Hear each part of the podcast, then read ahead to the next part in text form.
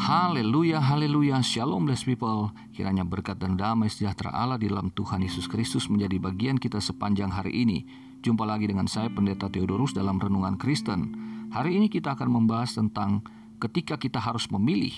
Bagian yang pertama, perspektif Lot sang oportunis. Terambil dari kitab Kejadian pasal 13 ayat 6 sampai 9. Begini firman Tuhan. Tetapi negeri itu tidak cukup luas bagi mereka untuk diam bersama-sama sebab harta milik mereka amat banyak, sehingga mereka tidak dapat diam bersama-sama. Karena itu terjadilah perkelahian antara para gembala Abram dan para gembala Lot. Waktu itu orang Kanan dan orang Feris diam di negeri itu. Maka berkatalah Abram kepada Lot, Janganlah kiranya ada perkelahian antara aku dan engkau, dan antara para gembalaku dan para gembalamu, sebab kita ini kerabat. Bukankah seluruh negeri ini terbuka untuk engkau? Baiklah pisahkan dirimu daripadaku, jika engkau ke kiri, maka aku ke kanan. Jika engkau ke kanan, maka aku ke kiri. Bless people, kisah ini menunjukkan pada kita bagaimana suatu ketika kita diperhadapkan dengan situasi di mana kita harus memilih. Pilihan kita akan menentukan nasib kita di kemudian hari. Apa yang terjadi dengan Lot? Yang pertama, Lot bersama-sama Abram. Di ayat 1.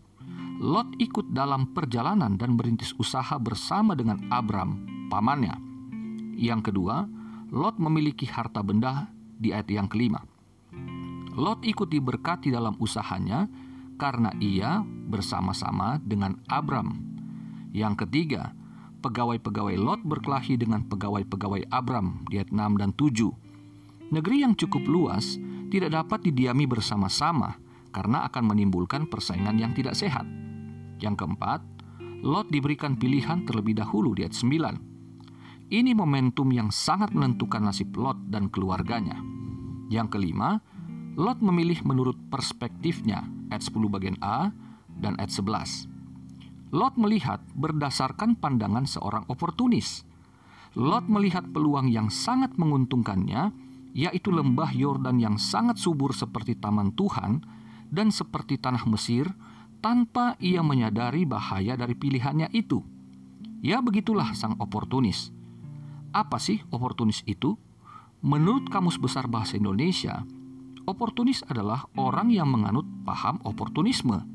Sedangkan oportunisme adalah paham yang semata-mata hendak mengambil keuntungan untuk diri sendiri dari kesempatan yang ada tanpa berpegang pada prinsip tertentu. Sayangnya, Lot hanya melihat kemungkinan berhasil atau sukses dengan mengabaikan di mana ia akan pergi. Jadi Lot tidak melihat dengan benar. Buktinya, yang pertama, orang Kanaan dan orang Feris diam di negeri itu, ayat yang ketujuh.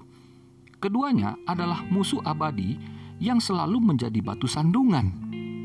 Perselisihan antara kerabat ini, Abram dan Lot meskipun dilakukan oleh para pekerjanya, tetapi perselisihan dalam bentuk apa pun di antara keluarga itu dapat dimanfaatkan oleh musuh.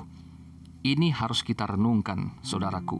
Jangan sampai apa yang menjadi ganjalan dalam keluarga kita kemudian kita umbar sampai diketahui oleh orang-orang di luar keluarga. Apalagi antara perselisihan suami dan istri, jangan sampai diketahui oleh anak-anak, apalagi oleh orang-orang luar apalagi sampai diumbar di sosial media, itu sangat tidak baik dan benar.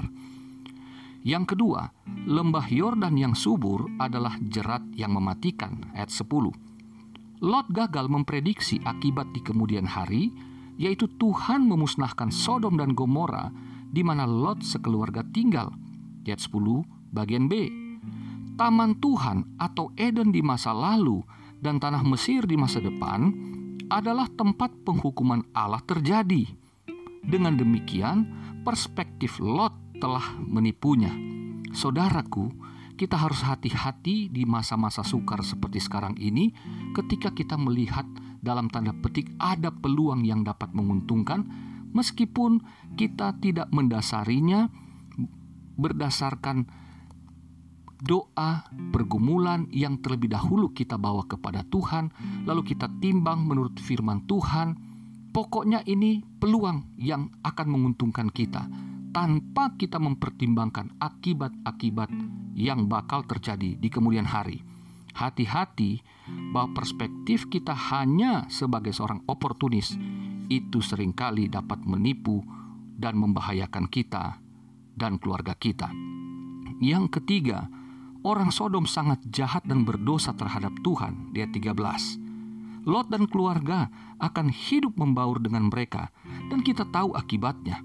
Surat 2 Petrus pasal 26 sampai 8 menjelaskan bahwa Lot orang benar itu tetapi hidupnya menderita di Sodom. Kalau kita berkompromi dengan cara berpikir dunia yang tidak berdasarkan kebenaran Tuhan, maka kita dapat dipengaruhi dan akhirnya memiliki pola pikir dan pola hidup yang sama, dan ini sangat membahayakan.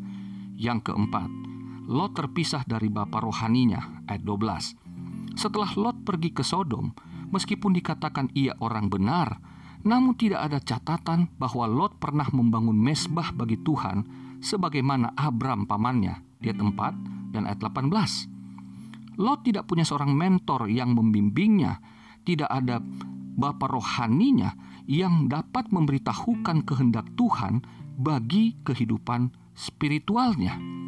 Saudaraku, saudara dapat mendengarkan firman Tuhan dan renungan seperti yang saudara dengar saat ini melalui saya.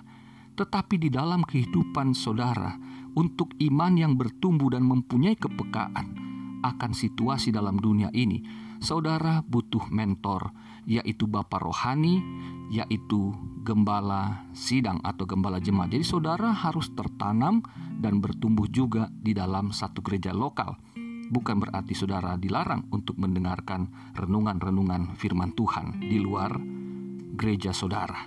Tetapi saudara harus punya pemimpin yang akan membawa saudara kepada pertumbuhan iman yang benar. Saudaraku, pilihan Lot dari perspektif yang keliru akhirnya membawanya pada kehancuran total baginya, yaitu kematian tragis dari istrinya, kejadian 19 ayat 26, dan moralitas Sodom yang merasuki kedua putrinya yang dengan keji meniduri Lot ayah kandung mereka sendiri sehingga mereka akhirnya melahirkan anak-anak yang keji yang kelak menjadi musuh abadi bangsa Israel yaitu bangsa Moab dan bangsa Amon. Kejadian 19 ayat 30 sampai 38. Jadi pilihan-pilihan yang keliru karena berdasarkan oportunitas semata yang dari sudut pandang kita, bukan karena pertimbangan dari sudut pandang Allah, maka itu dapat membahayakan kita, masa depan kita, dan terlebih keluarga kita yang kita kasihi. Tuhan Yesus menyertaimu, Tuhan Yesus memberkatimu. Sampai jumpa lagi. Haleluya.